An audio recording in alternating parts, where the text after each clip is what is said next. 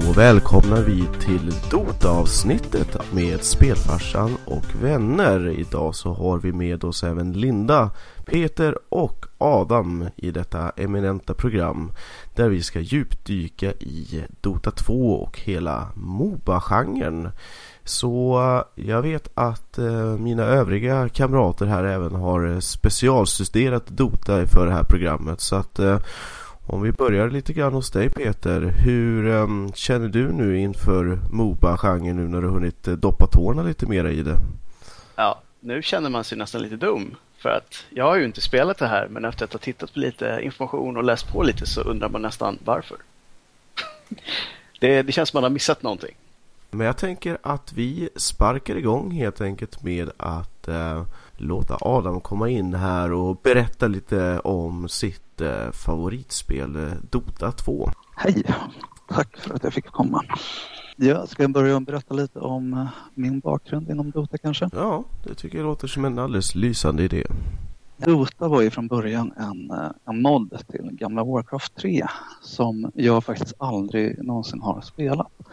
Men sen 2011 så började de utveckla Dota 2 och släppte öppen beta till den som jag blev inlurad i och fastnade väldigt fort. Betan höll på i två års tid och när den släpptes så var vi ja, helt fast kan man väl säga. Efter det har det försvunnit många timmar ner i Dota-spelandet. Hur eh, kommer det sig att du började testa Dota då överhuvudtaget? Ja, det var några gamla kollegor faktiskt. Eh, jag har varit en gamer i princip hela mitt liv och spelat väldigt många olika typer av spel. Men just då hade jag faktiskt tagit uppehåll helt ifrån spelvärlden. Eh, men så började jag på ett nytt jobb och eh, de som jobbade där spelade Horn som var en renodlad Dota-klon. Heroes of New Earth antar jag. Precis, exakt. Mm Eh, som var relativt populär innan Dota 2-betan kom. Så de fick mig att testa den eh, och vi spelade lite efter arbetstid, tog några matcher. Eh, och sen när Dota 2-betan släpptes så alla de var gamla Dota-fanatiker så direkt när Dota 2 kom så gick vi över dit och såg oss aldrig tillbaka. Mm. Nej, jag har hört samma story från ganska många personer att man har gått den vägen i och med att eh, det kändes som att hon spårade ur och att Dota 2 gjorde allt rätt som tidigare då i, i installationer inte gjorde rätt så att säga. Ja men precis. Hon, när vi spelade hon så var det ju vad jag förstod och vad jag har läst och även nu ifrån alla timmar i Dota 2 så var det ju verkligen en klon rakt av andra mm. skins men i princip alla hjältar var exakt likadana som i Dota. Men när Dota 2-betan började närma sig så fick nog de utvecklarna lite panik och bara kastade in nya hjältar där alla skulle vara tuffare och häftigare och bättre än de gamla och det blev, det blev bara kaos av allt. Jo men det är ganska förståeligt. Det blir ju lite panik där så att säga. Men eh, vi är ju inte här för att fokusera på hon direkt utan vi ska då prata Dota och jag tänkte att man kan ju, vi kan ju börja lite lätt att eh, förklara då vad, hur Dota går till egentligen. För det finns säkert några stycken där ute som har helt enkelt ja, av en eller annan anledning undvikit det eller helt nya till genren eller liknande. Så du kan ju dra spelreglerna lite lätt då. Mm, Eh, reglerna är ganska enkla. Detaljerna är otroligt komplexa men vi försöker hålla det kort. Eh, en Dota-match består av två lag med fem spelare på varje. Eh, målet är att förstöra det andra lagets tron, bas, huvudbyggnad. Eh, mellan varje bas så går det tre vägar som kallas för lanes. Eh, I varje lane så finns det tre torn på vardera lag. Tornen eh, attackerar fiender och tål ganska mycket. Eh, sen var 30 sekund så spånar det, vad ska man säga, creeps. Små soldater kanske? Precis, små soldater på, för varje lag som bara springer rakt fram i sin lane och slår på alla fiender de upptäcker. Eh, början av en Dota-match så brukar man bara stå i sin lane och farma de här creepsen. Eh, för man får pengar och experience. Eh, alla hjältar börjar på level 1 och kan bli max level 25. Eh, så när spelet börjar så är spelarnas karaktärer är klena och kan inte göra så mycket. Utan då vill man bara farma pengar och gå upp i level. Och hela första 15 minuterna av en match brukar bestå av att man står i sin lane och försöker hålla creep-vågen så nära sitt eget torn som möjligt för att kunna stå i säkerhet. Mm. Och sen så går man över på lite mera teamfighting kan jag tänka mig när lanes-fasen är över så att säga. Precis, när man börjar få ihop lite levels och items och hjältarna blir lite starkare så är det ju dags att börja pusha. Och, vilket betyder att ta ner motståndarlagets torn. Mm. Eh, för de här tornen, utöver att de är ett hinder för andra laget så kan man även teleportera till sina torn. Så ju fler torn vi tar, ju svårare är det ju för andra laget att röra sig runt på kartan snabbt. Mm. Ifall vi tar alla motståndarnas torn så blir det väldigt lätt att ta kontroll över kartan. Vilket är en otroligt viktig del av en Dota-match. Ja, sen kan man ju också då för en gång för alla då förklara vad Dota egentligen från början står för. Och eh, Dota står ju för Defense of the Ancients. Men eh, tronen eller slutpunkten eller målet så att säga förstöra får ju inte heta Ancients längre. Nej, det där beror ju på lite, ja, lite eh, dispyter mellan Blizzard och eh, Valve. Eh, som Dota från början var en mod till Warcraft 3 som Blizzard äger och har utvecklat. Och Dota 2 nu utvecklas av Valve. Och Blizzard har inte varit så nöjda med att Valve har använt väldigt många copyright-skyddade namn ifrån Warcraft. Bland annat då Ancients, vilket var vad huvudbyggnaden var i original Dota. Mm. Och det är ett stort träd hämtat ifrån Warcraft 3.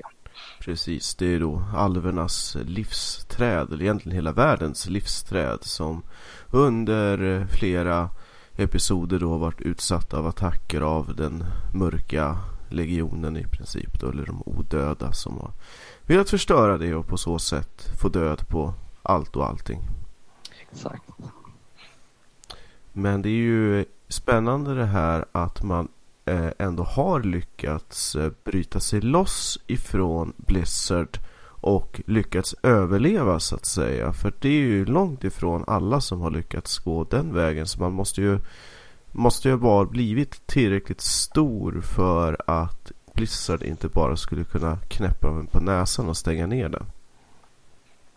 Ja, verkligen. Den Dota-modden blev ju fruktansvärt populär och en av huvudutvecklarna där blev vi rekryterad av, eh, av Volvo relativt mm. tidigt. Precis. Eh, den beryktade Ice Frog, en väldigt hemlighetsfull person. Ja, och jag tror som sagt att hade det inte varit just Volvo utan att det bara hade varit independent-skapare så tror jag inte Dota 2 hade funnits idag därför att jag tror att om inte annat så hade väl Blizzard försökt köpa upp alltihopa om de hade fått en chans. Förmodligen. Eh, det är lite förvånande att Blizzard själva inte har velat göra en egen Dota-version. Nu har de ju släppt sitt eget Moba, Heroes of the Storm, mm. som ju har varit ja, måttfullt. Ja, alltså det, det följer ju inte riktigt normen och det, det är ett försök att göra någonting lite annorlunda och lite mera unikt. Men jag tycker bara det är fruktansvärt rörigt om jag ska vara ärlig.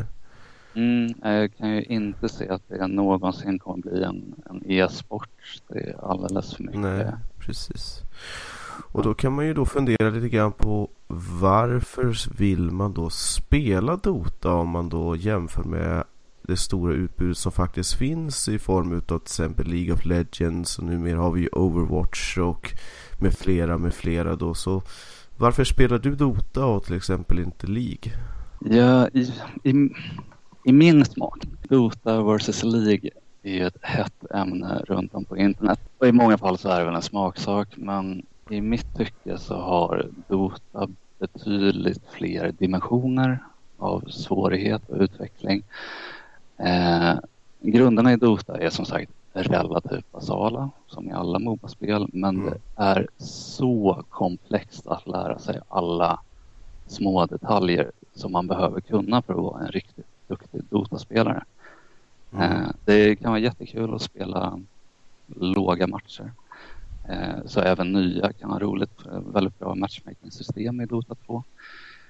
Eh, men kommer man upp på lite högre nivåer så matcherna är fruktansvärt komplexa och det är så mycket. Jag tror aldrig man kommer bli en komplett Dota-spelare. vad ska du säga till någon som är ny då till hela Moba-genren och så? Hur pass committed måste man vara för att plocka upp Dota? Eh, kan det inte kännas att eh, det kan bli lite övermäktigt för någon som är ny till genren? Jo, jag tror att Dota kan vara avskräckande för väldigt många. Men som jag sa, det matchmaking-systemet har blivit väldigt bra. Så är man ny och man spelar sina, man måste köra ganska många orankade matcher innan man kan börja på riktigt.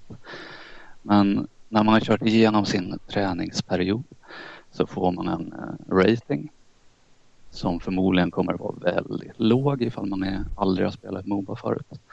Och då kommer du spela med andra som kan ungefär lika mycket som dig generellt sett. Mm. Det kan vara roliga matcher där också.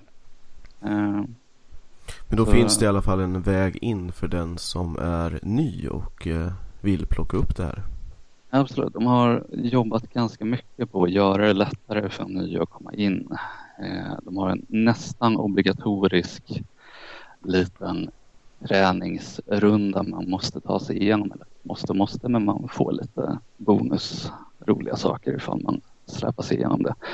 Eh, där man verkligen får lära sig grunderna i Dota. Mm. Eh, de har satt upp ja, lite RPG-liknande små banor. Ja, där ser man det. Förklarar hur det funkar. Det känns ju nästan lite grann som deras koncept utav till exempel Starcraft eller Warcraft. När man har liksom spelat igenom de här första introduktionsnivåerna mm. så att säga.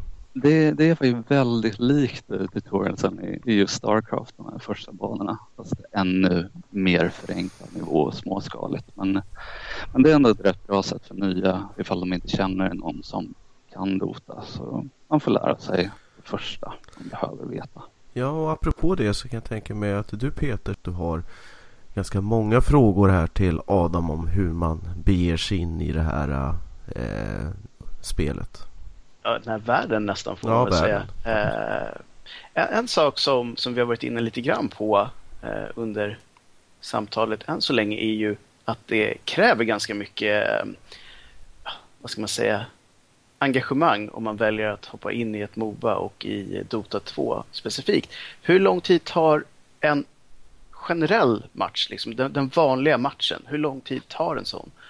Jag skulle nog säga att snittet ligger på ungefär 45 minuter för en match. Och då är det då eh, från att man startar från level 1 till att man då sen kör high level 25 i slutet då eller? Ja, precis. Vissa matcher kan ta slut. Jag tror den snabbaste matchen jag har vunnit var 15 minuter. Eh, okay. då, då hinner man ju inte bli fullevlad på den tiden. Men, Nej, men då handlar det om extrema push-strategier. Mm. Det är inte så vanligt att det blir sådana matcher. Sen kan det bli riktiga nagelbitar också. Den längsta matchen jag har varit med om är 92 minuter. Det hör inte till vanligheten att bli så långa. Okej. Okay. Um, ehm, mm.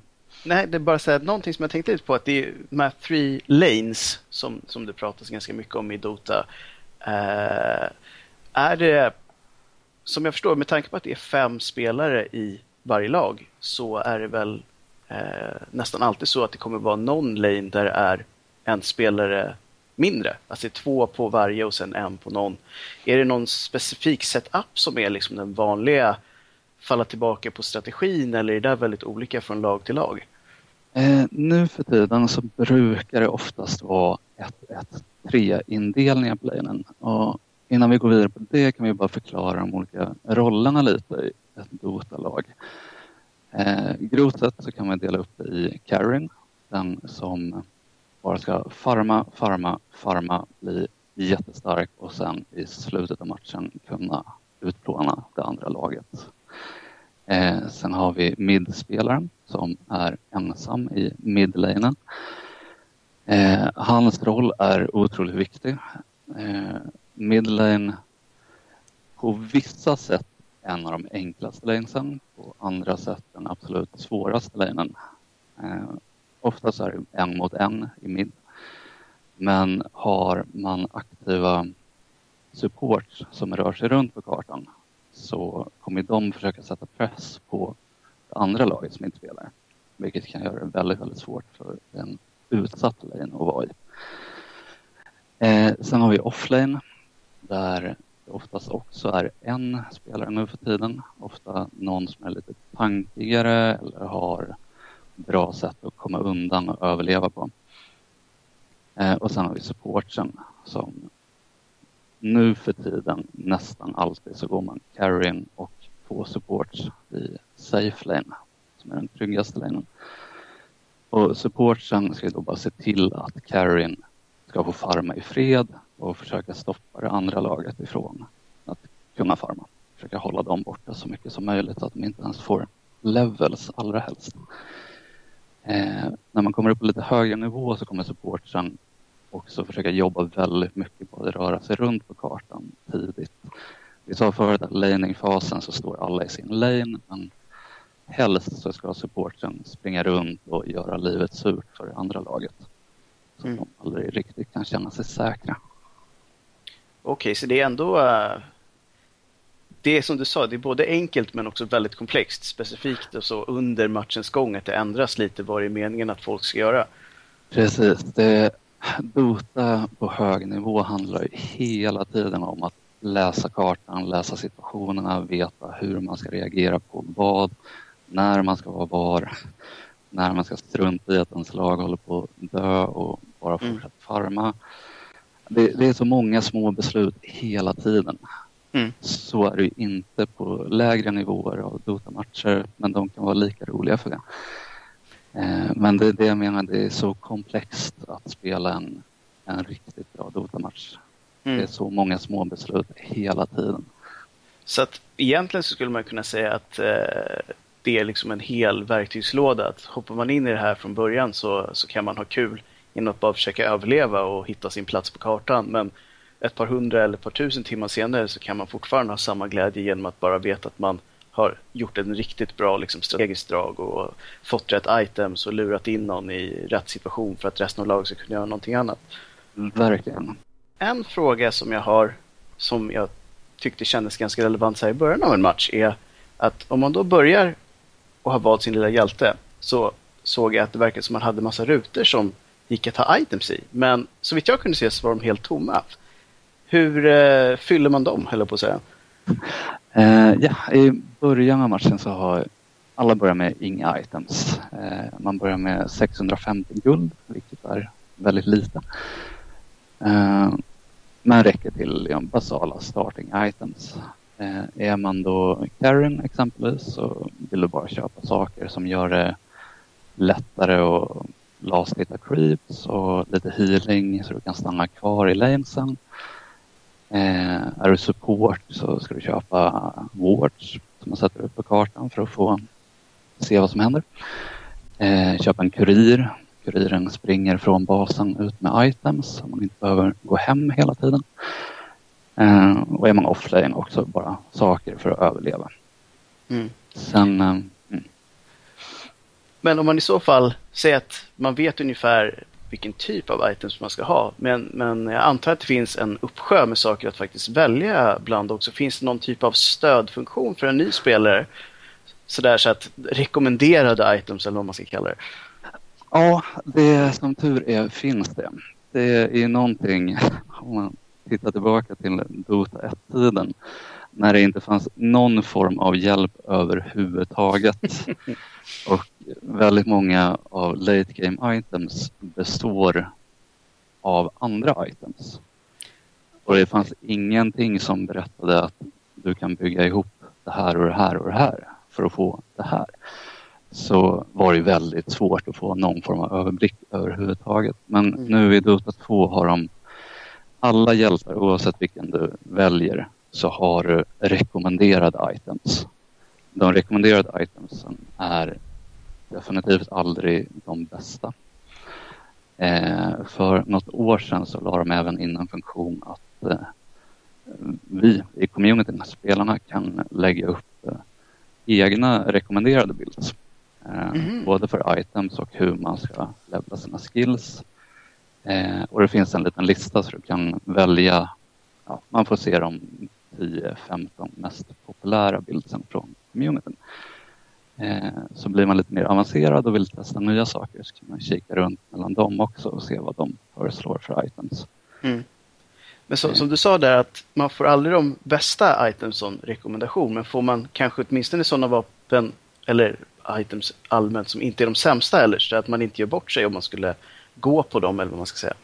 Mm, det, det är faktiskt väldigt bra upplagt UI där. Den är uppdelad i starting items.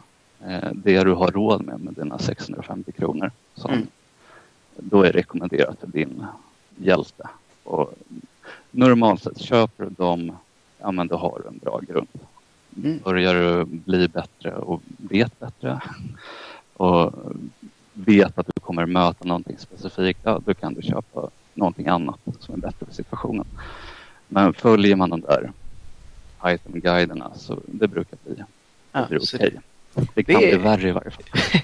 så det är ändå hyfsade stödhjul eh, sådär för att komma in, eller vad man ska säga. Men verkligen. Det, det, finns guider att följa. Eh, mm. Vet man inte bättre, följ dem slaviskt. Så får du en bra eh, grund. Det är ju jättebra att veta. En, en annan sak som som jag reagerade lite på, det lilla jag sett, är att det verkar som att de här små minions står och bankar på varandra och ibland så ser man att hjältar från deras eget lag skjuter på sina egna. Eh, mm. Vad är det för fenomen egentligen? Det är ju faktiskt en sak som är ganska unikt för Dota bland Moba-världen. Att du kan denia dina egna creeps. Så framförallt i laning-fasen i början så det är absolut jätteviktigt att last-hitta ifall du är Karin eller den som ska farma. Mm. Men det är minst lika viktigt att se till att det andra laget inte kan last-hitta genom att du deniar dina egna creeps. Eh, och denia, när creepet har mindre än halva HP så kan du börja attackera dina egna. Eh, och det där handlar om att försöka hålla, som jag sa förut, du vill hålla creepvågen så nära ditt eget torn som möjligt. Mm. Och ju snabbare du dödar dina egna creeps, ju närmare ditt torn kommer creepvågen hamna till slut. Eh, plus att om du deniar creepet, att du får last-hitten på ditt eget creep, så får det andra laget mindre XP ifrån det creepet. Mm. Så, så det, är alltså, ursäkta jag avbryter men bara så att jag förstår det här. Det är alltså bara själva dödsstöten som du får experience för? Precis, och pengar också. Så mm. Säger att ja, i, om man är carry och har två supports med sig i sin lane så är det ju bara carryn som ska ta last-hitten på, sina, eller på motståndarnas scripts. Så mm. supportsen kommer inte få några pengar överhuvudtaget där i början.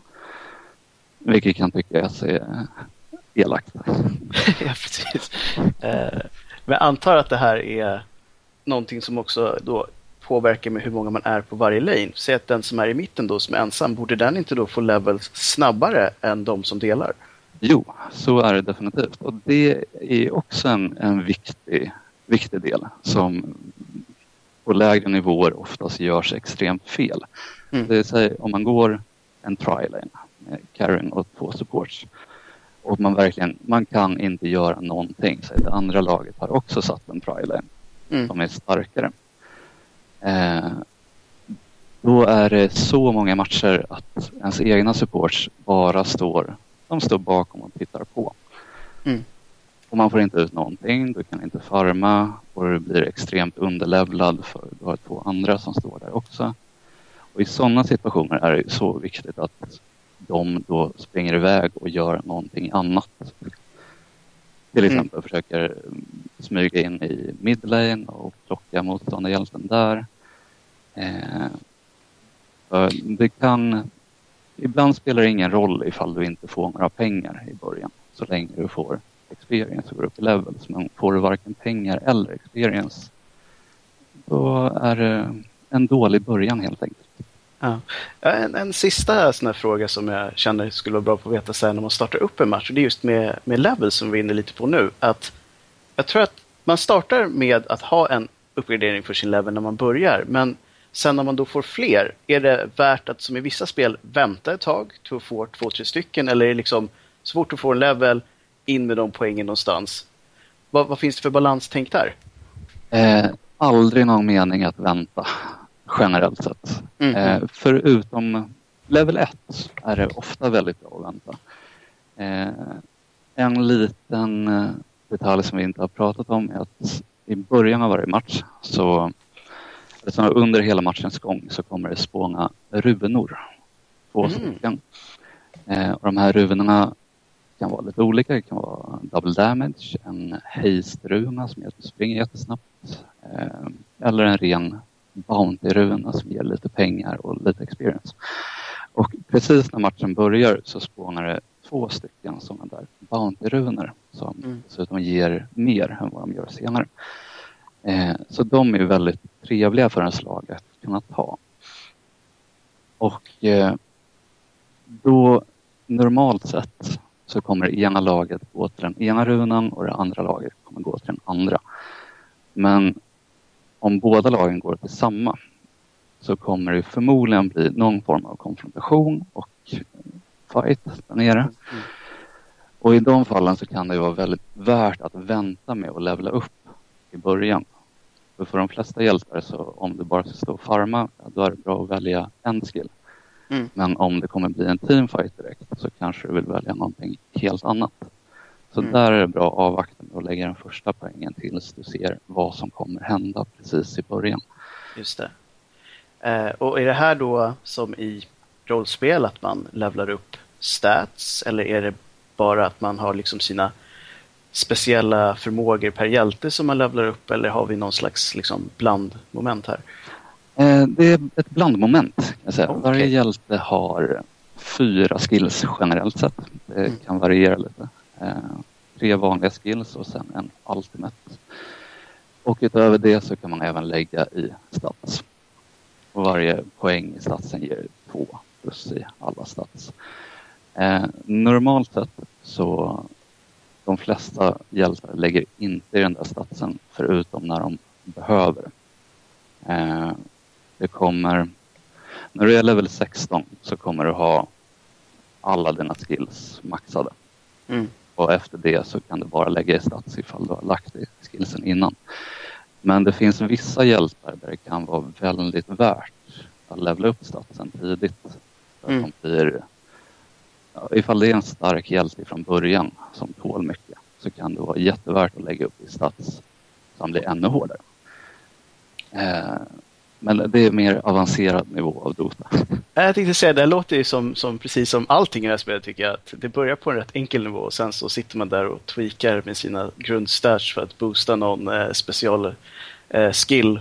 Och helt plötsligt så har man ett helt nytt strategiskt läge eh, liksom, någonstans 30-35 minuter in i en match. Precis, det, men det mest avgörande brukar vara de första sex levlarna. Mm. Vad du väljer att levla upp där. Spännande, eh, spännande. Din, din Ultimate får du på level 6. Och innan okay, det... det... Det finns ytterligare en som är liksom riktigt, riktigt bra. Precis. Alla hjältar har en Ultimate som låses upp på level 6. Så innan det så kan du bara lägga på dina tre vanliga skills. Och okay. du får en, en skillpoäng per level. Och ifall du lägger ut i alla de här tre skillsen i början så kommer ju ingen av dem förmodligen vara så bra. Mm. Så normalt sett så vill du levela upp två skills eh, innan det blir level 6. Och det spelar ju också väldigt stor roll där vad du väljer tidigt. Mm. Beroende på vad du möter och situation och vad du ska göra. Så det, men det finns guider för det också. Jag tänkte säga, nu, nu när man har hört så här mycket olika hur det är och hur man ska tänka så är jag väldigt glad att du nämnde tidigare att det finns eh, liksom bra guider och liksom mjukstartslägen i det här spelet. För det känns som att man verkligen skulle kunna behöva Mm, det är någonting som är väldigt trevligt med Dota-communityt, att det, det, finns otroligt mycket information online. Och mitt, mitt råd till en ny Dota-spelare skulle ju definitivt vara att välj en gubbe som du tycker verkar rolig, passar den spelstil du gillar.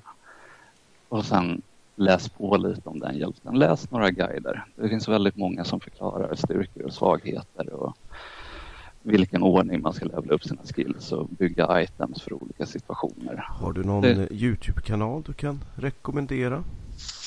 Oj, det finns hur många som helst. Så det är ja, bara ut och leta egentligen? Det är, det är bara ut och leta. Sök Dota 2, hjältens namn, tutorial. Det kommer finnas en uppsjö. Vad bra. Mm. Eh, Linda, har du några frågor till Adam? Ja, alltså jag hade ju... Jag tänkte ju att alla matcher måste ju bli ganska lika. Mm, men mm. Ja, ja, alltså grundformen av en match är ju ganska lik. Den börjar med early game, laning fas, går över till mid game och sen går över i late game. De olika faserna är ju ungefär utformade på samma sätt oftast på det stora hela. Men det finns 111 hjältar att välja på.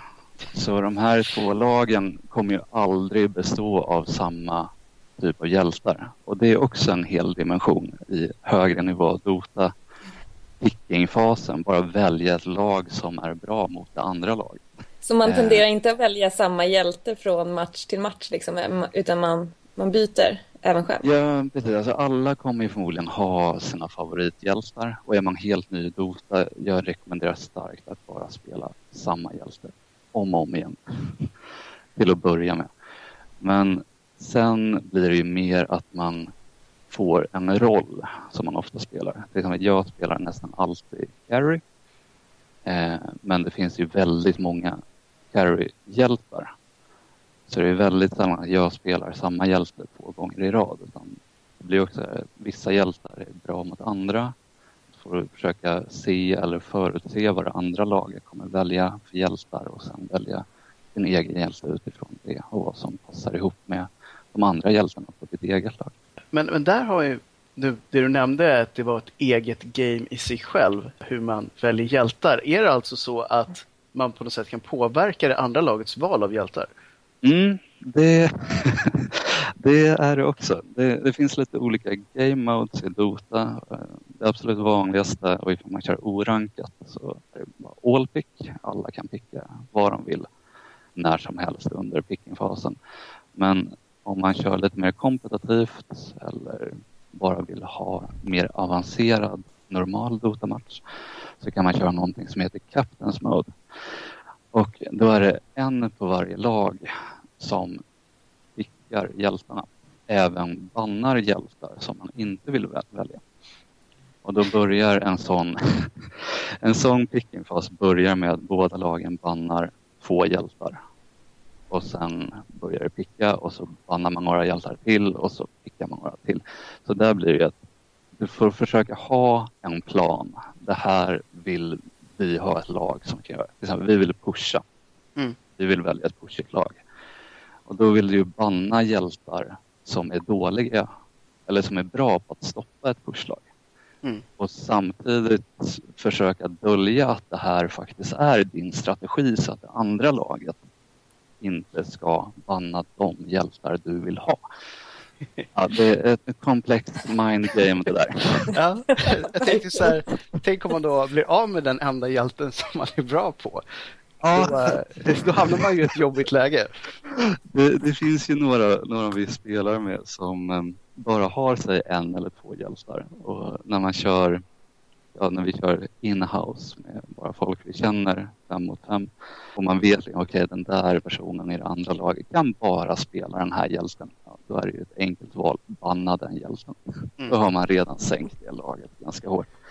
Hur funkar det under den här pickingfasen? Ser man eh, vilka man kommer möta? Det vill säga finns det en möjlighet som till exempel i League att du kan slå upp motståndarens namn på någon så här typ av eh, stats-sida för att se vilka eh, karaktärer de spelar allra mest?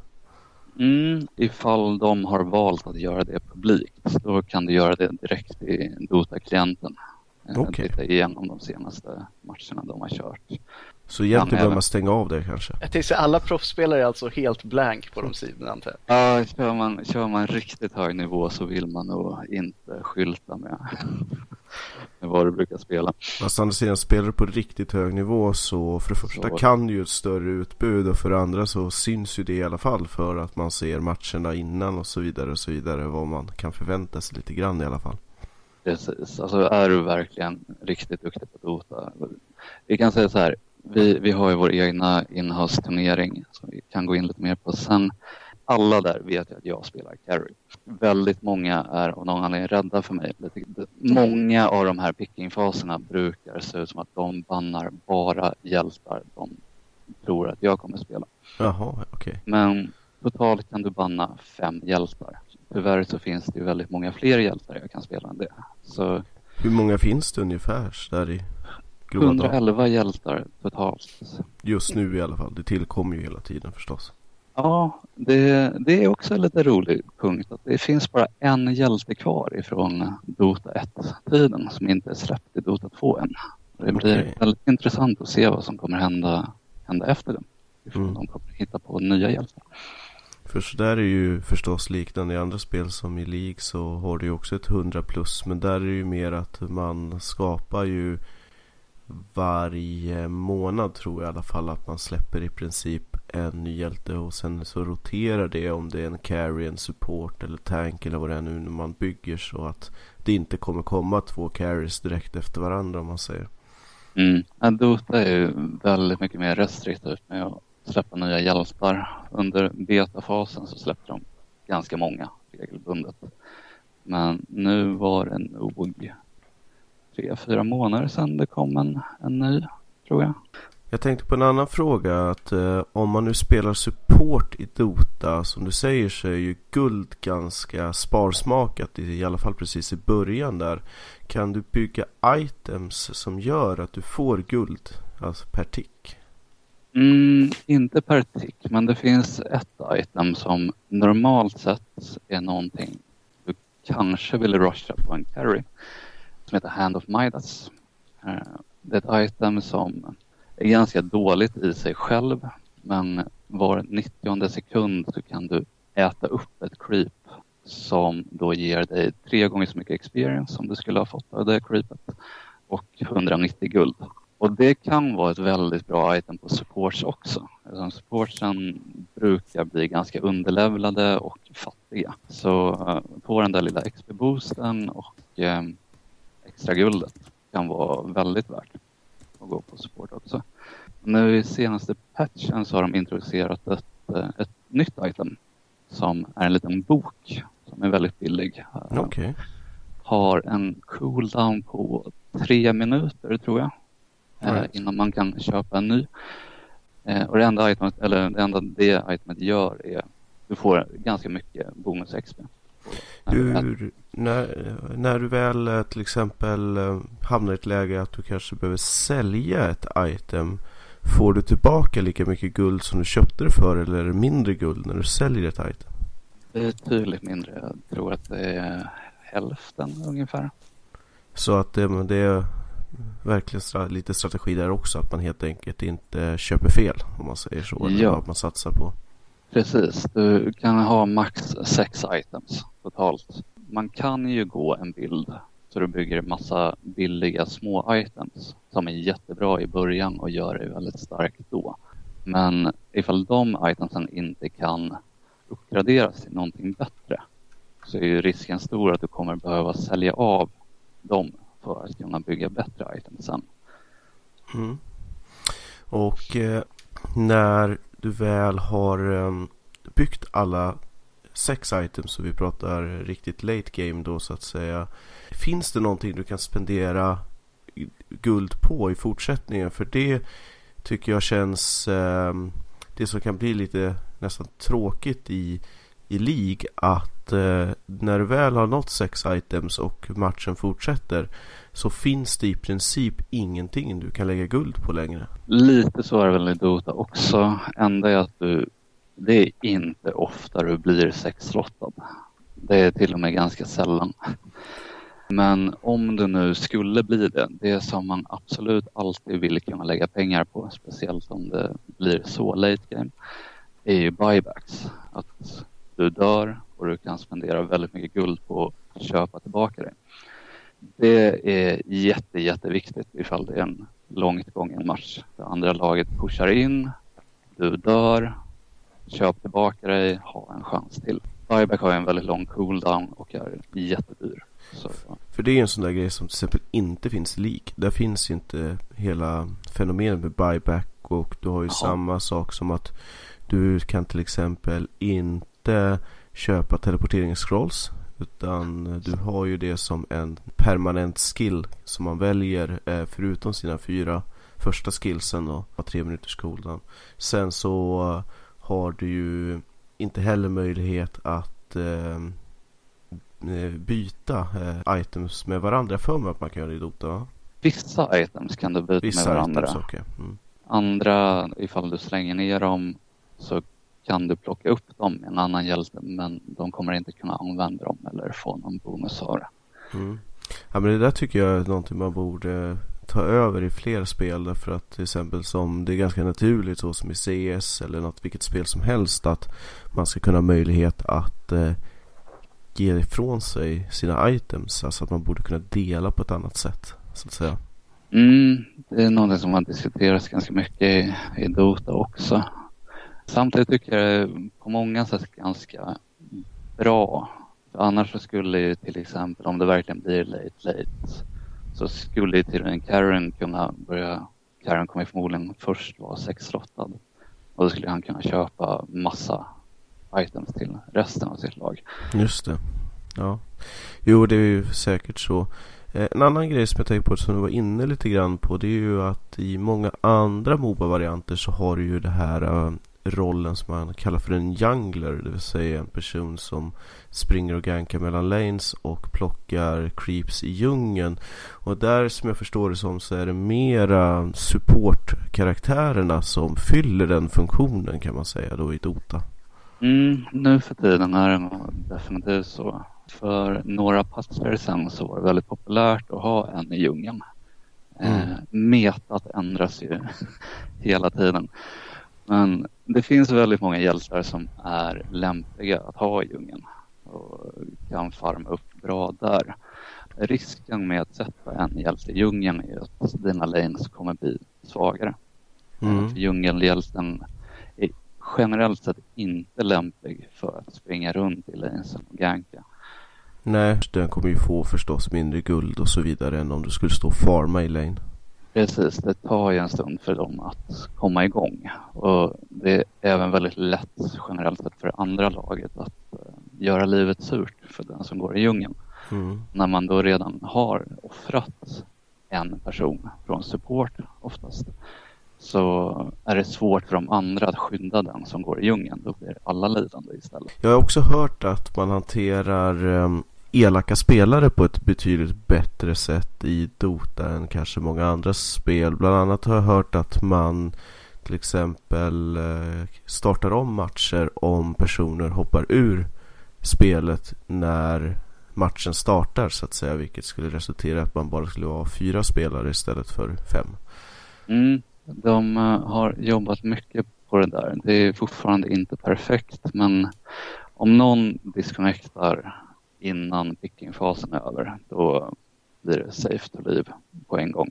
Och den personen som disconnectade får ett straff. Och hur ser ju straffet utformat då? Straffet ökar exponentiellt utifrån hur många gånger du beter dig som ett svin. Eh, Gör du det en gång så ofta så hamnar du i vad som kallas för low priority. Vilket betyder att du kan inte köra rankade matcher och eh, low priority spelare när de söker matcher så söker de bara med andra low priority spelare. Och för att komma ur low priority så måste du vinna x antal sådana matcher. Skulle inte de matcherna kunna vara lite intressanta? Eh, jag har försökt hjälpa bekanta att ta sig ur low priority-träsket och de matcherna brukar minst sagt vara annorlunda. det låter ju som ett spännande upplägg. Om vi då vänder på steken och går från svinen till pärlorna eller proffsen så att säga. Hur eh, tycker du att proffstouren eller själva ska vi kalla det e-sporten av eh, Dota har utvecklats från det att eh, det släpptes till att vara nu en, en av de absolut största e-sportshändelserna som finns? Det har ju växt otroligt snabbt. Uh, tävlingar i Dota har ju förekommit ända sedan Dota 1-tiden, då på betydligt mindre skala. Men redan under Dota 2-betan så började ju framförallt Valve själva försöka bygga upp grunden för en lyckad e-sportscen inom Dota 2. Och eh, de introducerade ju sin egen tävling som de kallar för The International ganska tidigt. Jag tror första året den gick var 2011 och det var ju till och med innan Dota släpptes på riktigt. Och redan då hade de en prispott på 1,6 miljoner dollar. Vilket är väldigt mycket pengar inom e-sportsammanhang, speciellt så tidigt. Exakt. Eh, nu förra året så hade International en prispott på 18,5 miljoner dollar. Så det, det, har ju växt ganska mycket. Och eh, inför varje sån här International så släpper de ett litet item som man kan köpa som kallas för ett kompendium. Och intäkterna ifrån det kompendiet går till prisbotten. det är väldigt, väldigt smart faktiskt. Det är otroligt smart. Så communityn är ju själva med och, och bidrar till att låta det växa. Mm. Och de lägger, lägger väldigt mycket tid på, på just det här kompendiet. Det är både information om turneringen, biljett till att se alla matcher direkt till Dota-klienten. Det finns massa små event och utmaningar och grejer för att engagera communityn och, och vara med och roliga priser man kan få för att delta. I och där. om man nu skulle komma dit så att säga att man eh, vill bli proffs helt enkelt i Dota. Hur, hur gör man så att säga? Hur ser stegen ut från att gå ifrån ny till, till proffs? Att bli proffs är ju väldigt få förunnat. Det är ju inte många som blir proffs på riktigt. Men vi kan ju ta ett exempel från Sverige. Bulldog som spelade i Alliance. Han eh, var ju helt okänd när han blev rekryterad till Alliance. Och anledningen till att de rekryterade honom var att han var fruktansvärt duktig på att köra en hjälte i offlane. Okej. Okay. Han hade i princip, jag tror han hade 95 procent av hans spelade matcher var med den hjälten i offlane. Och han tog sig upp väldigt högt i den interna MMRen, matchratingen. Mm. Och eh, ja, någon uppmärksammade honom och sen blev han rekryterad in i proffsscenen. Så man, man kan ta sig in bara genom att spela jäkligt bra helt enkelt för att komma upp i ratingen. Hur långt har du själv kommit? Jag har kommit upp till 5000 i rating, vilket inte säger så mycket utan något. Men de som är högst i världen har 8000 i rating ungefär. Det är inte många. Det är några få. Proffsspelarna brukar väl ligga på sig 7000 plus. Så vi pratar division 2-1, någonting sånt? Jag tror att om man ser på hela Dota-communityn så är 5000 plus är nog topp 6 procenten Okej, ungefär. det är så pass. Kanske lite över det till och med. Och Dota-communityn är väl vadå? 20 miljoner spelare? Eller hur många? Ja, jag tror de brukar ha snitt i veckan. Jag för mig brukar ligga på 15 miljoner unika mm. spelare. Och sen är det väl några som kommer och går. Så vi säger i alla fall bland de 50 000 bästa eller någonting sånt där? Ja, där någonstans. Och jag är långt ifrån proffsnivå. Ja. Och eh, jag antar att det är som allt annat att ska man ta det här sista klivet då krävs det eh, 10-12 timmar om dagen och full commitment och så vidare. Det är mycket, mycket engagemang. Och det som gör det lite extra svårt är just det här att du kan ju vara jätteduktig individuellt men är du en otrevlig och dålig teamspelare så spelar inte det så stor roll. Det, det, finns ju några proffs som är lite ökända för att de är fruktansvärt otrevliga att spela med men de ligger där uppe i varje fall just för mm. att de är så fantastiska individuellt. Men tittar man på de här bästa lagen, mest balanserade lagen, de som hängt med i flera år så är det oftast välbalanserade, stabila, duktiga individuellt men framförallt otroligt duktiga teamspelare. Och nu blir det reklam.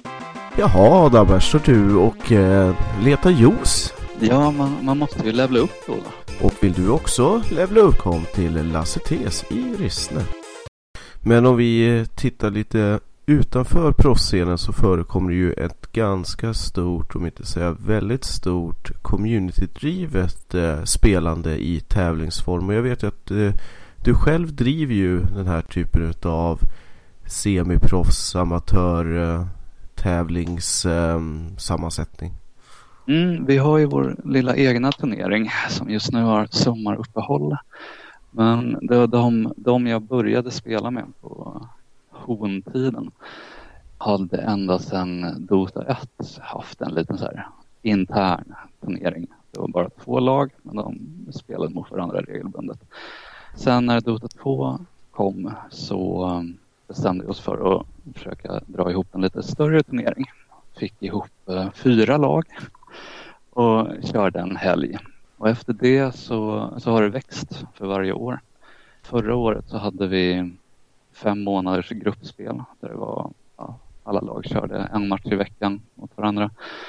Och sen eh, i slutet av det så tog vi de sex bästa lagen fick vara med i ett slutspel där vi hyrde en stor lokal och var väl 40 pers ungefär som satt en hel helg och gjorde upp om tronen. Och om man nu vill veta mer om det här, vad heter ni och var kan man hitta mer information?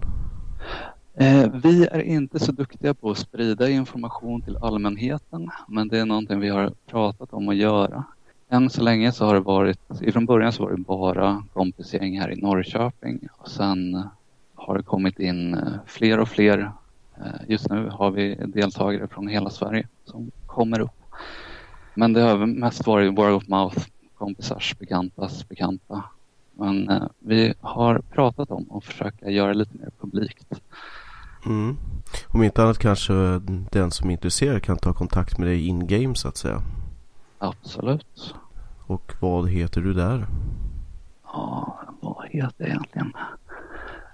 Vi kan återkomma med det. Ja, precis. Vi kan om inte annat se till att ta med det i eftertexterna så att säga. Så att eh, det är inga problem.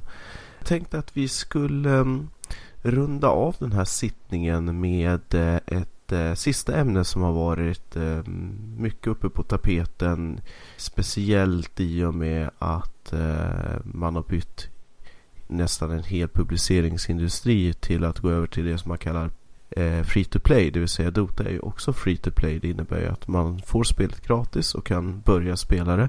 Men att man tar ut så kallade mikrobetalningar för att eh, kunna köpa sig fler hjältar, flera Eh, utseenden och så vidare och så vidare.